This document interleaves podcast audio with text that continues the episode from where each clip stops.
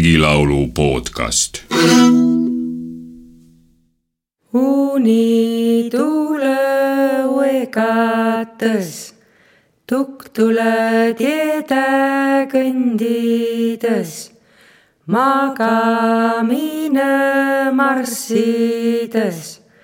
uni tuleb, uni tuleb ukse sisse astub mede aknast sisse, tuleb mede lapse silme sisse, langeb lapse lau peale, kukub lapse kulmu peale.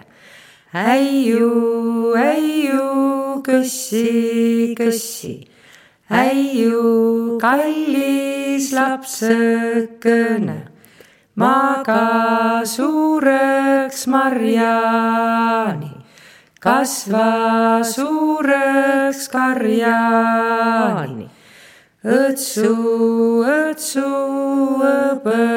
õõnuppu, kuku maha kuldanuppu, kukku Kumio kübärasse, saamio kainelusse, veere lapse varba peale, keda katel ketelikku, sõni kuni mehed merest tulad lapsed loesta nööpmest koo, poisid puida raimest koo. aga mis meitel maksab magamine, uni ei anna uutta kuuba. magamine muani särki uni meid viis vaada pulkuma, magamine marssima. äiu, äiu, kõssi, kõssi, äiu, kallis lapsõkene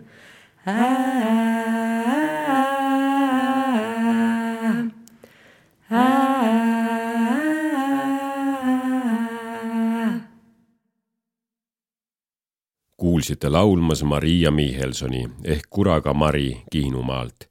Mari laulis unelaulu pea samamoodi nagu laulis kunagi Kirjandusmuuseumi Eesti Rahvaluule arhiivilindile Anna Köster, samuti Kihnust. Anna oli sündinud tuhande kaheksasaja üheksakümne üheksandal aastal. unelaulud pärandati põlvest põlve vanaemalt lapselapsele, siis nende lastelastele kuni vanavanemate kaudu pea aegade alguseni välja. selge see, et säärane laul muutub ka ajas, ent selle mõte ja funktsioon jäävad alati samaks. see on nagu uinutaja ja uinuja vaheline side. mulle tundub, et mitmete kultuuride unelaulud järgivad pea sama rütmi, võib-olla seda spontaanselt sündinud laste rahustamise liigutust tehes, kui laps on süles, üles-alla, edasi-tagasi, kiikuvat rütmi järgiv laul, tasane toon, peaaegu et kõnepiiril, sest muidu ju laps ei uinuks. ja laul kestab nõnda kaua, kuni laps jääb unele seetõttu on sõnadki mõnikord peaaegu et tähenduseta. ää, tšuu-tšuu, kus ää-häälik on kindlasti rahustava toimega. Š või s häälik jällegi ehk püüab lapse tähelepanu, sarnaselt vaikima paluv väljend ts või pst. kui laps ei taha magada ja nõuab häälekalt ikka enda asju, on tähelepanu püüdmine kindlasti asjakohane kui laps kuulab hällitajat, on võimalus talle laulda, panna ta kuulama rahulikku hällilaulu. me ei tea muidugi, kas hällilaps sõnadest aru saab, aga on avastatud, et võib täiesti aru saada juba ammu enne kõnet. kindlasti ta tunneb ära harjumusliku laulu ja saab üsna hästi aru, mida temalt oodatakse. vahele võib muidugi mainida, et stereotüüp, kus kiigutaja on alati ema, see ei pea alati paika nagu mis tahes traditsiooniline puhtakujuline stereotüüp. saartel näiteks, kus mehed ei võtnud väga osa igapäevastest majapidamistöödest, nemad kündsid merd, mitte põldu. ja kui mehed vananesid, juhtuski tihti nõnda, et lapsi hoidsid nemad, sest muus osas olid naised harjunud kõik, kogu töö kodus ära tegema. meeste hällilauludki lastele olid mõnikord sisuliselt üsna koredakoelised nii näiteks võisid laulda Muhus mehed, äiu küsi seda lasta, kuni teist ta tehtanekse. meie Eesti vanad hällid aga on olnud veidi teistsugused, kui oleme tänapäeval harjunud. Nad olid kinnitatud palgiprakku või parte vahele vibuga, mille otsas rippus häll, kätki, kuhu oli kätkitud laps. kätki võis olla punutud korv või mõnikord ka lihtsalt riidest tavaline kott, servadest köidetud kätki võis suvel ka kinnitada alla painutatud kaaselaadava või puuoksa külge. sellist vibuhälli oli väga mugav kiigutada ning kiikumine käis ülevalt alla. ka see võis last üsna hästi rahustada, võib-olla nagu Jaanika Oras on öelnud, võib-olla oli see sarnane liikumisele, mida laps tunneb enne sündi emaga üks olles. See kiigutamine vibuhällis mõjutas ka kindlasti selliseid hällilaule Nende rütm on sarnane pigem vibuhälli kiigurütmile kui põrandal ja alastel olevale hällile. on ka selge, et savi ja muld põrandal, mis ei olegi nii väga tasane ju, oli võimatu kiigutavat hälli põrandale panna. Need hällid tulid veidi hiljem koos uute majade ja uute põrandatega. võib-olla on uued põrandad ja hällid ka põhjuseks, miks on tasapisi muutunud hällilaulud loomulikult kaovad ka pärimuslikud ja pärandatavad hällilaulud koos eri põlvkondade lahku kolimisega. laps üldjuhul ei mäleta ju seda, kuidas teda kiigutati ning millised olid need laulud, mida lauldi. kui aga vanavanem kiigutab lapselast ja laulab, võib vahepealne põlvkond õppida oma vanemate hällilaulud uuesti hällilauluks võib tegelikult ju sobida ükskõik määrane laul, kui seda laulda nõnda, et see last rahustab ja uinutab. aga siiski on ülipõnev uurida Eesti vanu unelaule. Neid ei ole küll kunagi püütud Rahvaluule arhiivi koguda nõnda palju kui väga väärtuslikuna tunduvaid lüroeepilisi regilaule. hällilaule ja sääraseid jorutusi ei ole isegi peetud päris lauludeks. Need on näiliselt liiga tavapärased. väärtused ja hindamine on aga õnneks tasapisi muutunud ja meil on muuseumites tallele pandud palju kauneid tekste, mille mõned motiivid ja vormelid tunduvad tõesti kummastavad ja ehk ka päris, päris vanad.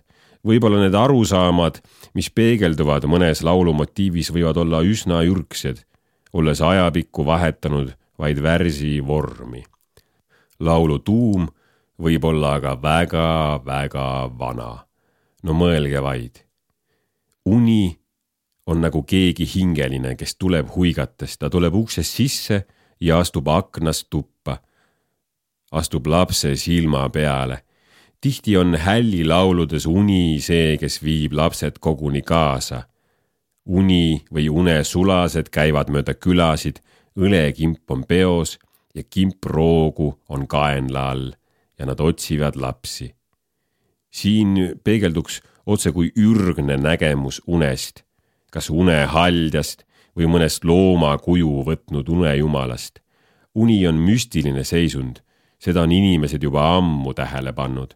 unes minnakse nagu kuhugi teisele maale, võib-olla ongi see sama maa, kuhu jõuavad inimesed siis, kui nad surevad ja seal unedes, seal on ju palju tuttavaid, mõned neist on elus, mõned on juba lahkunud. ka see on kindlasti mõjutanud paljudel kultuuridel unest ja surmast arusaamu. pärast surma oled sa siinsamas, aga ometi eemal. uni on nagu üks surmaseisunditest. võib-olla ka tolle pärast lauldi teinekord lapsele unelauluks suigu, suigu surma poole, kiigu, kiigu kalmu poole. uni ja surm on tihti vennad või on nad samas vennad ja sealjuures ka üks ja seesama. nii näiteks Kreeka unejumal Hüpnos, tema vend oli surm. surmajumal Thanatos, nende vanemad öö ja pimedus. Roomas on sama vennapaar samuti surm ja uni, somnus ja mors. sarnaseid paralleele leiame veel väga paljudes kultuurides, aga meie müütilisse Põhjalasse tagasi tulles. Ole Lukooja, kelle maalis uuesti sõnadesse muidugi Hans Christian Andersen.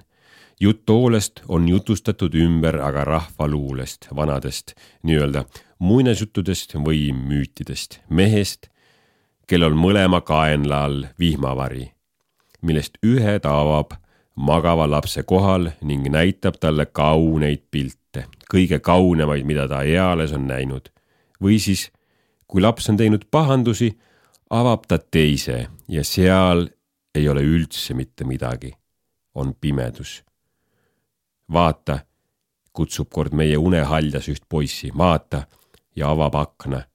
vaata, seal väljas hobusel, seal on minu vend. Tema nimi on ka Oole Lukooje. vaata, kui uhke ta on, hõbedase keebi ja kauni hobusega aga tema külastab inimesi vaid ühe korra, siis kui ta nad võtab hobusele ja kannab ära surnute riiki. tema on surm. vaata, kui uhke ja kaunis ta on, üldse mitte selline, nagu teda tavaliselt kujutatakse. mulle tundub see mõte huvitav, müütiline kiigutaja ema, kes püüab meid magama saada, sest ometi on ju aeg tema on harjunud sellega, et pärast und ärgatakse jälle uuesti. kogu päev algab taas oma ringkäiku ja nii õhtust hommikuni ja hommikust õhtuni. aga laps ei tea ju seda. ta tõrgub kategooriliselt magama jäämast, sest ega tema ju ei tea, mis saab siis, kui ta magama jääb, mis tuleb pärast seda